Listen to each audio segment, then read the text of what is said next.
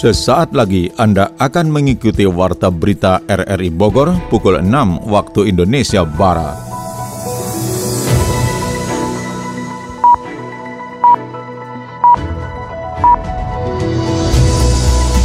Selamat pagi. Saudara, kita bersua kembali lewat Warta Berita RRI Bogor, Senin 14 Februari 2022. Siaran ini juga dapat Anda dengarkan melalui aplikasi RRI Play, serta turut disiarkan Radio Tegar Beriman, Kabupaten Bogor. Berikut kami sampaikan berita utama.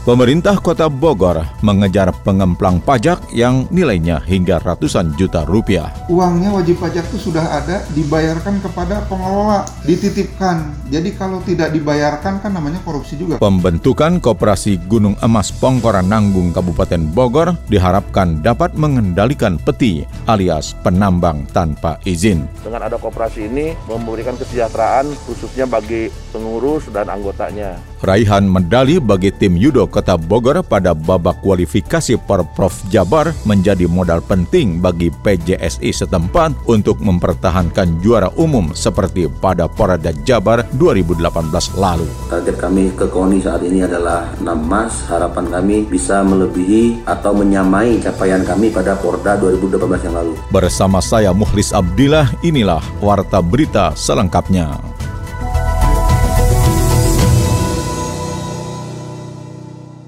Saudara, pemerintah kota Bogor mengejar pengemplang pajak yang nilainya hingga ratusan juta rupiah, seperti dilaporkan Sony Agung Saputra. Pelaku usaha yang mengemplang pajak menjadi target operasi Badan Pendapatan Daerah Bapenda Kota Bogor. Berdasarkan catatan Bapenda Kota Bogor, terdapat sejumlah pelaku usaha yang terindikasi melakukan pembayaran pajak yang tidak sesuai menyusul adanya selisih pembayaran yang harus mereka setorkan ke kas daerah. Kepala Bapenda Kota Bogor, Denny Hendana, mengatakan sekarang ini pihaknya melakukan penelusuran dan pemeriksaan kepada semua objek dan wajib pajak untuk melihat kembali hasil self-assessment yang sudah mereka lakukan. Berdasarkan temuan petugas Bapenda Kota Bogor ternyata ada sejumlah wajib pajak yang diduga mengemplang pajak dengan tidak menyetorkan dana sesuai yang sudah ditentukan. Tujuan dari pemeriksaan ini untuk menguji kepatuhan apakah pelaporan mereka itu sudah benar atau tidak. Kalau sudah benar, tentunya kita akan berikan apresiasi sudah sebesar itu mereka melaporkan dan membayar pajaknya. Tapi kalau tidak benar artinya ditemukan adanya kurang bayar, akan kita tetapkan kurang bayarnya dan wajib pajak harus membayar ke kurang bayar. Karena harus diingat self assessment itu artinya pengunjung menitipkan ya. uang pajak ya di hotel, di restoran, parkir, hiburan itu uangnya sudah ada uangnya wajib pajak itu sudah ada dibayarkan kepada pengelola dititipkan. Jadi kalau tidak dibayarkan kan namanya korupsi juga kan yeah. sama. Dari hasil penelusuran aparatur Bapenda Kota Bogor ternyata nilai yang harus mereka setorkan atau selisih bayar mencapai sekitar 600 juta rupiah. Petugas pun langsung melakukan penelusuran sementara wajib pajak mengakui adanya pembayaran yang harus mereka setorkan ke kas daerah sebagai kewajiban pajak. Ya kita sedang melakukan pemeriksaan itu dan sudah ke closing ya Pak ya. sudah di closing sudah diakui. dan sudah diakui oleh wajib pajak dan wajib pajak akan akan membayar kekurangannya itu 600 juta satu wajib pajak satu. ada yang 650 juta hmm. kita koreksi lah kita koreksi fiskal koreksi fiskal itu berarti kita menemukan adanya perbedaan omset yang mereka laporkan kepada kita dan mereka catatkan sendiri gitu kan yang mereka catatkan sendiri lebih besar daripada yang dilaporkan kita wow. nah kita koreksi ada kekurangannya ya kita harus tagihkan kekurangannya. Terkait ini, Bapenda Kota Bogor meminta dukungan masyarakat agar bisa mengungkap pelaku usaha yang berusaha mengemplang pajak yang bisa mengurangi pendapatan daerah sebagai modal pembangunan di Kota Bogor untuk kesejahteraan bersama. Pengadilan Negeri PN Bogor sebagai lembaga peradilan tingkat pertama di lingkungan peradilan umum di Kota Bogor telah berupaya melakukan langkah-langkah strategis dalam mewujudkan peradilan inklusif. Di antaranya perubahan pola pikir dan penguatan kebijakan inklusi, pembangunan dan sarana prasarana, prosedur dan aturan hukum, serta peningkatan kapasitas sumber daya dan kemitraan. Ini menyusul penandatanganan nota kesepahaman antara PN Bogor dengan Pemkot Bogor tentang penyediaan peradilan bagi penyandang disabilitas. Kepala PN Bogor, Agung Nugroho mengatakan, PN Bogor perlahan tapi pasti akan menjadi pengadilan yang inklusif, yakni pengadilan yang memberikan pelayanan ramah, aman dan nyaman bagi semua pengguna layanan khususnya bagi penyandang disabilitas. Ia pun mengapresiasi Pemkot Bogor yang sudah memberikan dukungan moral dan material demi terwujudnya pengadilan yang inklusif di PN Bogor. Komitmen nyata Pemkot Bogor untuk pelayanan terbaik bagi masyarakat Kota Bogor, khususnya bagi para penyandang disabilitas, menjadikan Kota Bogor layak menyandang predikat kota ramah disabilitas. Ke depan, PN Bogor tambahnya juga akan menyediakan layanan jemput antar bagi penyandang disabilitas yang membutuhkan pelayanan PN Bogor. Ini agar bisa memberikan kontribusi maksimal dalam meningkatkan pelayanan penyandang disabilitas di Kota Bogor. Sejumlah event disiapkan guna mendorong geliat pariwisata di Kabupaten Bogor pada masa pandemi COVID-19. Kita simak catatan Adi Fajar Nugraha. Upaya pemerintah Kabupaten Bogor dalam mendorong geliat pariwisata di masa pandemi COVID-19 ini terus dilakukan. Sejumlah kalender event pun sudah disiapkan oleh Pemkap Bogor melalui Badan Promosi Pariwisata Daerah atau BPPD. Anggota BPPD Kabupaten Bogor Deni Hamdani menyebutkan beberapa kegiatan telah direncanakan di tahun 2022 seperti perhelatan turnamen golf tahunan bernama Bogor Wonderful Golf dan Marathon Day yang rencananya digelar di wilayah puncak. Namun semua itu menurut Deni tergantung dari perkembangan kasus COVID-19 yang kini tengah melonjak akibat munculnya varian Omikron. Yang paling terdekat ini saat ini adalah Bogor Wonderful Go, ya itu akan kita laksanakan insya Allah di bulan Februari tahun ini. Dan event-event berikutnya adalah masih berkaitan tentang olahraga juga. Karena yang Bogor Wonderful Golf itu kalau memang misalkan lancar dan terkait dengan Omikron itu tidak bertambah banyak, nah kita akan ada maraton di wilayah puncak ketika tapi kan masih ada nih tantangan kita menghadapi Omikron ini dan itu kan tidak bisa diprediksi dan harus tetap kita waspadai. Dan event-event tersebut kita sudah rancang sedemikian rupa dan mudah-mudahan saja bisa berjalan dengan mengikuti protokol kesehatan tentunya. Pemerintah Kabupaten Bogor tentunya akan mempertimbangkan seluruh agenda pariwisata dan olahraga dengan perkembangan kasus COVID-19. Denny yang juga merupakan Ketua Himpunan Pramuwisata Kabupaten Bogor mengungkapkan, jika agenda tersebut terselenggara, ia meyakini akan ada multiplier effect terhadap kelihat perekonomian di Kabupaten Bogor. Kita membuat formula event itu kan tidak hanya untuk masyarakat lokal semata atau masyarakat Bogor pada umumnya. Tapi bagaimana kita memanfaatkan suatu event yang memang benar-benar besar, ya itu kan outcome kita, itu outputnya seperti itu. Tapi sementara ini kita juga sadar akan kesehatan is number one. Dan afterwards itu kan bisa, kalau memang misalkan terjadi sebuah ekosistem yang bisa menciptakan ekonomi di situ, kenapa enggak kita sambil menyelam minum air kan? Kabupaten Bogor dengan tagline City of Sport and Tourism menjadi agenda besar untuk mensinergikan kegiatan olahraga dengan pariwisata untuk memantik minat wisatawan datang ke Kabupaten Bogor. Namun hingga kini pemerintah Kabupaten Bogor masih melakukan pembahasan terhadap kalender event tersebut, mengingat saat ini terjadi lonjakan kasus COVID-19 varian Omikron. Siska! Eh, Dewi, lagi belanja juga? Iya nih, kan lagi pandemi kayak sekarang kan kita harus lebih ekstra jaga imun. Makanya belanja buah sama sayur buat keperluan di rumah. Eh, ngomong-ngomong, kamu nggak pakai masker? Kan kemarin aku udah disuntik vaksin COVID, jadi aman lah. Gak usah pakai masker juga kan. Soalnya kalau pakai masker, aku nggak kelihatan cantik. Oh, hati-hati. Walau udah vaksin, tetap aja harus jaga protokol kesehatan. Nggak boleh loh diabein. Contohnya nih, rekan kantor aku aja udah divaksin, masih tetap terkena virus COVID. Wah, serem juga ya. Kalau gitu, aku beli masker dulu ya.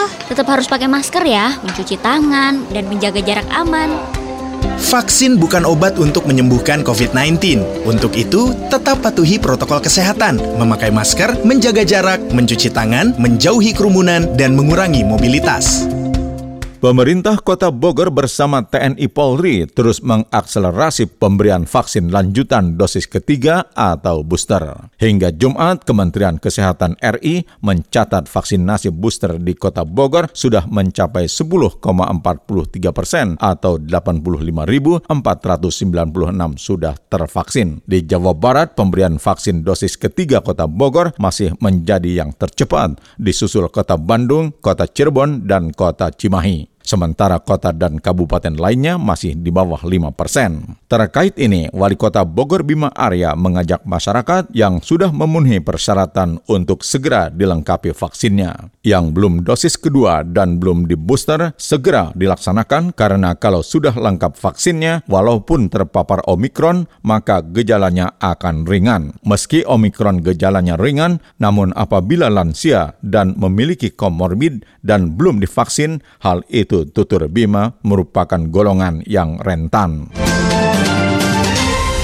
Pembentukan Koperasi Gunung Emas Pongkor Nanggung Kabupaten Bogor diharapkan dapat mengendalikan peti alias penambang tanpa izin. Yofri Haryadi menurunkan catatannya. Persoalan penambang emas tanpa izin masih menjadi polemik berkepanjangan di Kecamatan Nanggung, Kabupaten Bogor. Meski telah ditertibkan dan ditutup lubang galian para gurandil di kawasan IUP milik UBPE Antam Pongkor, ternyata masih ditemukan para penambang emas liar yang kucing-kucingan dengan aparat serta tim pengawas dari UBPE Pongkor. Semua harus diuntungkan dan diberi kesempatan. Seperti itulah ungkapan Sekretaris Daerah Kabupaten Bogor Burhanuddin mewakili Bupati Bogor kepada masyarakat di Kecamatan Nanggung, Kabupaten Bogor. Pembentukan Badan Hukum Koperasi Gunung Emas Pongkor menjadi wadah untuk mengendalikan para penambang emas dengan berbasis masyarakat, yang di dalamnya ada pembinaan dan menekan pencemaran lingkungan akibat limbah kimia berbahaya dalam mengolah batu dari perut Gunung Pongkor. Antam harus untung karena BUMN untuk menopang keuangan negara. Tapi pemerintah daerah dan masyarakatnya khususnya masyarakat sempat juga harus untung. Oleh sebab itu bagaimana untuk masyarakat sempat supaya untung dan legal, pintunya ya koperasi. Pemerintah daerah saya kira sudah mendukung dengan dikeluarkannya dari dinas koperasi sudah dikeluarkan dan diharapkan itu menjadi wadah untuk usahanya warga setelah itu juga eh, mudah-mudahan dengan ada koperasi ini memberikan kesejahteraan khususnya bagi pengurus dan anggotanya. Harus ada posisi tawar lebih dari masyarakat di kawasan tersebut. Masyarakat yang ingin menambang emas di Gunung Pongkor harus mendapatkan payung hukum sehingga nantinya tidak ada lagi penangkapan, sanksi penjara hingga denda miliaran kepada para gurandil. Perlu ada solusi bagi persoalan panjang yang terjadi di kawasan penambangan emas di Gunung Pongkor, Kecamatan Nanggung, Bogor, agar polemik tersebut dapat diselesaikan oleh kedua belah pihak. Terlebih, PT Antam TBK rencananya akan mendapat perpanjangan izin usaha pertambangan IUP emas selama 10 tahun ke depan yang semestinya IUP-nya habis pada 2019 lalu. Seperti diungkapkan anggota Komisi 7 DPR RI Adian Napitupulu. Kalau untuk kooperasi ini sedang dicari metode baru dan sudah disiapkan oleh Badan Riset untuk mekanisme dan alat baru yang tidak pakai merkuri. Saya pikir kalau kooperasi ini ide bagus ya, bagai ya mungkin kasarnya kira-kira beginilah. Bagaimana rakyat yang tadinya menambang dianggap tidak legal dengan adanya kooperasi bermitra dengan Antam atau menjadi anaknya Antam atau menjadi plasmanya Antam, dia menjadi legal. Kita berharap berikutnya tidak ada lagi penangkapan, tidak ada lagi orang bekerja dalam ketakutan. Dengan konsep semuanya diuntungkan, diberikan payung hukumnya secara korporatnya diberikan. Setidaknya sudah ada dua induk koperasi yang menjadi embrio sebagai mitra UBPE Antam Pongkor dalam mengelola emas di Kecamatan Nanggung, Bogor. Tidak hanya itu, Komisi 7 juga berharap ada pembagian wilayah IUP milik UBPE Pongkor yang dikelola oleh rakyat dan hasil pengolahannya akan dijual kembali kepada PT Antam TBK. Rencana itu pun akan dijadikan percontohan nasional pengelolaan tambang di Indonesia dengan pelibatan aktif masyarakat tanpa kriminalisasi. Saudara, Anda tengah mengikuti Warta Berita dari Radio Republik Indonesia Bogor. Dari dunia ekonomi dilaporkan harga kedelai internasional yang terus melambung bakal menaikkan harga tahu dan tempe. Sementara gelaran MotoGP 2022 di sirkuit Mandalika Lombok Tengah NTB diharapkan berdampak besar bagi perekonomian masyarakat. Informasinya dirangkum Adi Fajar Nugraha. Kementerian Perdagangan menyatakan harga kedelai internasional yang terus melambung akan menaikkan harga tahu dan tempe. Pasalnya sekitar 80% pasokan kedelai berasal dari impor. Direktur Jenderal Perdagangan Kementerian Dalam Negeri, Oka Nurwan, memperkirakan harga tempe di level pengrajin akan tembus 10.300 hingga 10.600 rupiah per kilogram dalam waktu dekat. Sedangkan untuk tahu berpotensi naik ke level 52.450 hingga 53.700 rupiah per papan atau 700 per potong dari harga saat ini yakni Rp650 per potongnya. Sementara untuk harga jual di pasar, ia memperkirakan tempe bakal naik Rp300 per kilogram dan Rp50 per potong untuk tahu. Perkiraan dibuat jika harga kedelai tak melebihi Rp12.000 per kilogram. Sebagai perbandingan, Oke mencatat harga pekan pertama di Februari 2022, harga kedelai sebesar Rp11.240 per kilogram. Ia memperkirakan harga kedelai masih akan terus naik sampai dengan bulan Mei, yang mencapai 15,79 US dollar per basels. Ia menyebut kedelai kemungkinan baru akan turun pada Juli mendatang, dan itu pun tak akan signifikan ke level 15,74 US dollar per basels di tingkat importir. Kenaikan di tingkat internasional tersebut dikarenakan ketidakpastian cuaca dan inflasi bahan makanan di Amerika Serikat sebagai salah satu importir utama kedelai dunia. Terkait stok, ia menjabarkan saat ini di level importir masih ada 140 ribu ton dan Februari ini masih akan masuk stok 160 ribu ton sehingga ia memastikan pasokan kedelai cukup untuk konsumsi dua bulan ke depan. Gelaran MotoGP 2022 dalam ajang Pertamina Grand Prix of Indonesia di sirkuit internasional Jalan Raya Pertamina Mandalika Lombok Tengah, Nusa Tenggara Barat diharapkan bisa berdampak besar bagi perekonomian masyarakat, khususnya para pelaku usaha mikro, kecil, dan menengah atau UMKM. Demikian dikatakan Kepala Dinas Koperasi dan Usaha Kecil Menengah Provinsi NTB, Ahmad Masyuri pada minggu kemarin. Menurutnya, ajang MotoGP ini merupakan momentum sangat baik untuk membangkitkan ekonomi masyarakat dan para pelaku UMKM pada masa pandemi seperti sekarang ini. Tercatat sudah ada 1032 UMKM yang siap difasilitasi pemerintah di 12 titik, baik di dalam maupun di luar arena sirkuit yang akan digelar 18 hingga 20 Maret 2022 mendatang. Khusus di dalam arena sirkuit, bagi 30 hingga 50 pelaku UMKM yang sebagian berasal dari lokal, nantinya akan disediakan stand di parkir timur. Pihaknya juga akan menyiapkan titik tambahan di bekas Bandara Selaparang, Islamic Center, Pelabuhan Gilimas, Pelabuhan Bangsal, Rumah Sakit Mandalika, dan berbagai lokasi lainnya.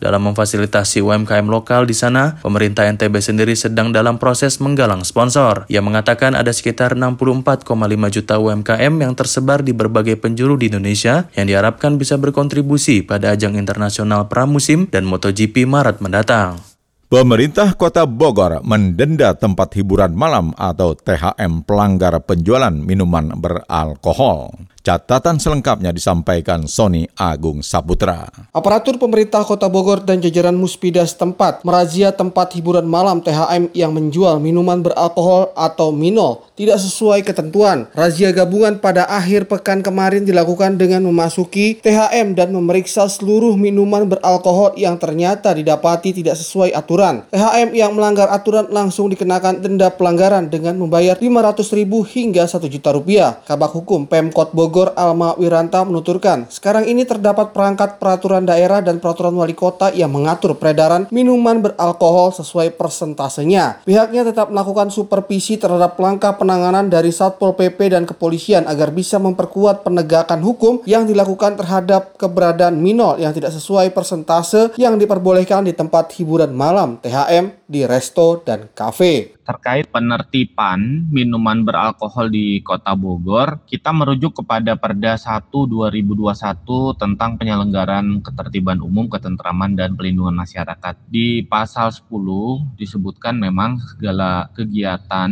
yang dilakukan oleh seorang atau badan usaha itu semua harus mendapatkan izin dari pemerintah.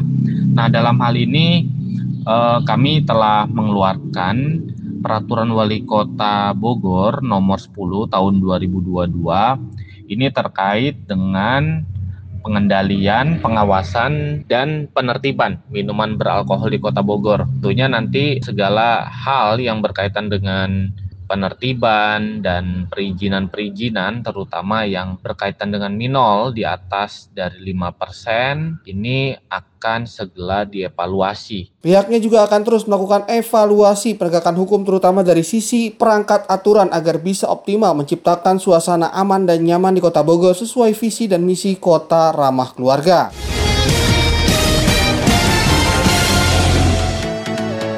Beralih ke informasi olahraga kabar buruk datang dari ajang Pro Liga 2022. Sebanyak dua pertandingan lanjutan pada putaran kedua yang seharusnya digelar hari ini batal digelar. Pertandingan pertama yang harus dibatalkan adalah duel antara Jakarta Electric PLN atau JEM dan Gresik Petrokimia Pupuk Indonesia GPP.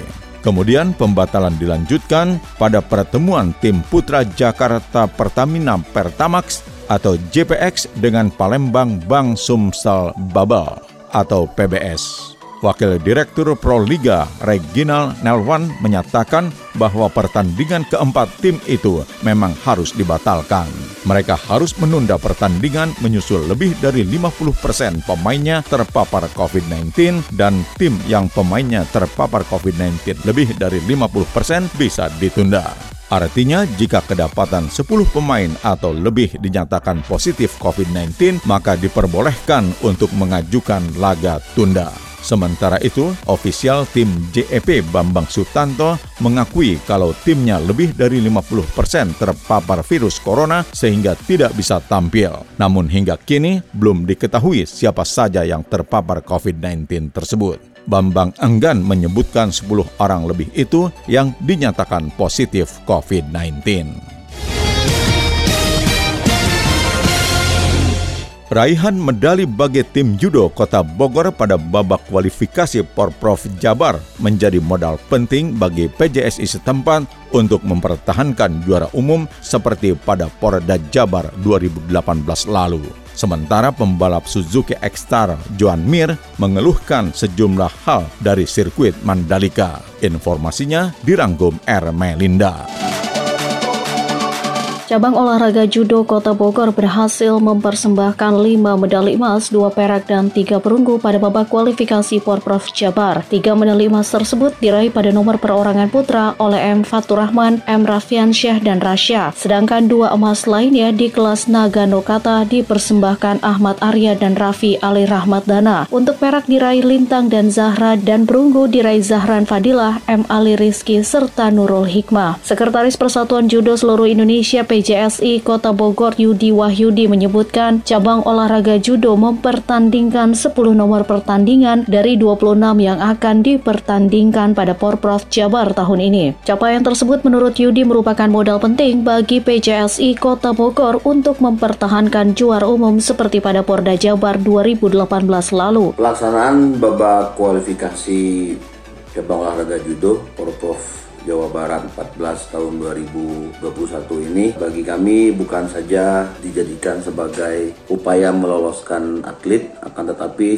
sejauh mana memperkuat prediksi dan potensi pencapaian target medali. Melihat hasil BK ini, kami meyakinkan dan kami semakin bersemangat bahwa bukan saja upaya kami mengejar dan mencapai target tapi ingin mencapai raihan pada Porprov Jabar 2018 yang lalu. Target kami ke KONI saat ini adalah 6 emas harapan kami bisa melebihi atau menyamai capaian kami pada Porda 2018 yang lalu. Jadi dengan BK ini kami bisa membuat kajian-kajian analisa membangun taktik untuk lebih siap lagi lebih menjaga tradisi juara pada Porprov nanti di tahun 2022. Tradisi mempertahankan predikat juara umum pada event olahraga bergengsi tingkat Jawa Barat tersebut menjadi harga mati yang harus dicapai pengurus PJSI Kota Bogor. Untuk mewujudkan target tersebut, beberapa program pembinaan terus dilakukan, salah satunya melalui berbagai turnamen internal yang digagas oleh pengurus PJSI Kota Bogor. Event tersebut adalah salah satu cara untuk bisa melatih mental sekaligus wadah bagi para pejudo Kota Bogor pada masa pandemi COVID-19 karena selama masa pandemi hampir semua event ditiadakan. Ketua PJSI Kota Bogor, An-An Andri Hikmat menegaskan progres regenerasi atlet menjadi prioritas. Selain itu, tim lapis kedua bagi judoka juga menjadi acuan penting menjelang Porprov 2022 mendatang. An-An optimis melalui program seperti itu ke depan Kota Bogor bisa terus melahirkan para atlet prioritas juara yang bisa mengharumkan nama daerah ke tingkat nasional bahkan internasional. Yang pertama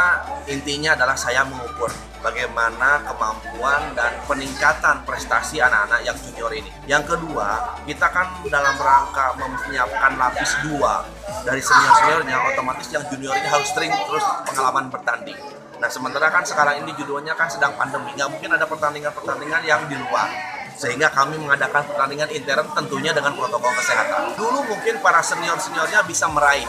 Itu dianggap walaupun susah payah, tapi akan lebih susah bagi mereka sekarang. Kenapa? Mempertahankan dan meningkatkan. Kenapa? karena musuh-musuh kita di luar kota Bogor pun mereka akan belajar dari kejadian-kejadian ataupun dari pengalaman-pengalaman dari pertandingan-pertandingan yang sudah ada otomatis mereka akan lebih baik nah otomatis yang sekarang juga kita juniornya harus benar-benar lebih bisa lebih baik lagi kenapa karena musuh kita juga mereka belajar lebih baik lagi Ketua PJSI Kota Bogor An-An Andri Hikmat juga berharap pada masa kepemimpinannya periode 2022-2026 bisa kembali menuntaskan tiap laga menjaga tradisi juara untuk Kota Bogor, Jawa Barat, dan Indonesia.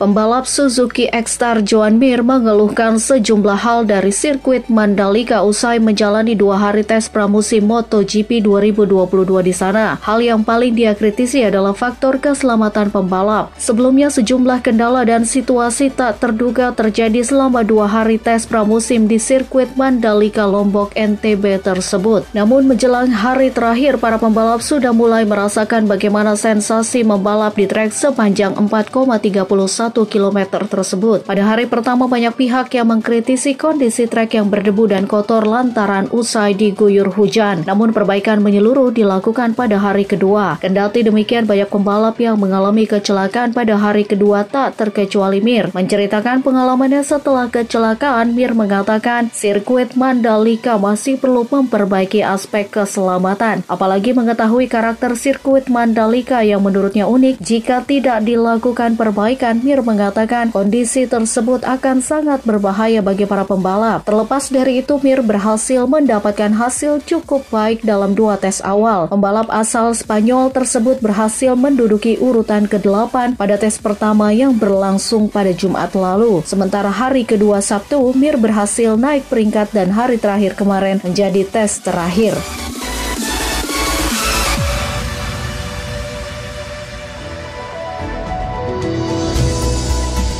Saudara, informasi olahraga tadi sekaligus menutup perjumpaan kita lewat Warta Berita RRI Bogor pagi ini. Sekali lagi kami sampaikan berita utama. Pemerintah Kota Bogor mengejar pengemplang pajak yang nilainya hingga ratusan juta rupiah. Pembentukan Koperasi Gunung Emas Pongkoran Nanggung Kabupaten Bogor diharapkan dapat mengendalikan peti alias penambang tanpa izin.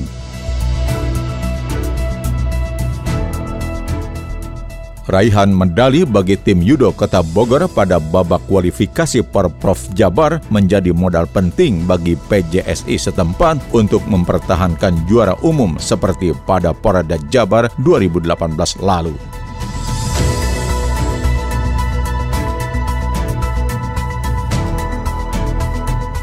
Siaran ini dapat Anda dengarkan kembali melalui podcast kami di Spotify, Anchor, Podtail, dan Google Podcast. Saya Muhlis Abdillah merangkap Des Editor bersama penata teknik Noval Novian Syah mengucapkan terima kasih atas kebersamaan Anda. Selamat pagi.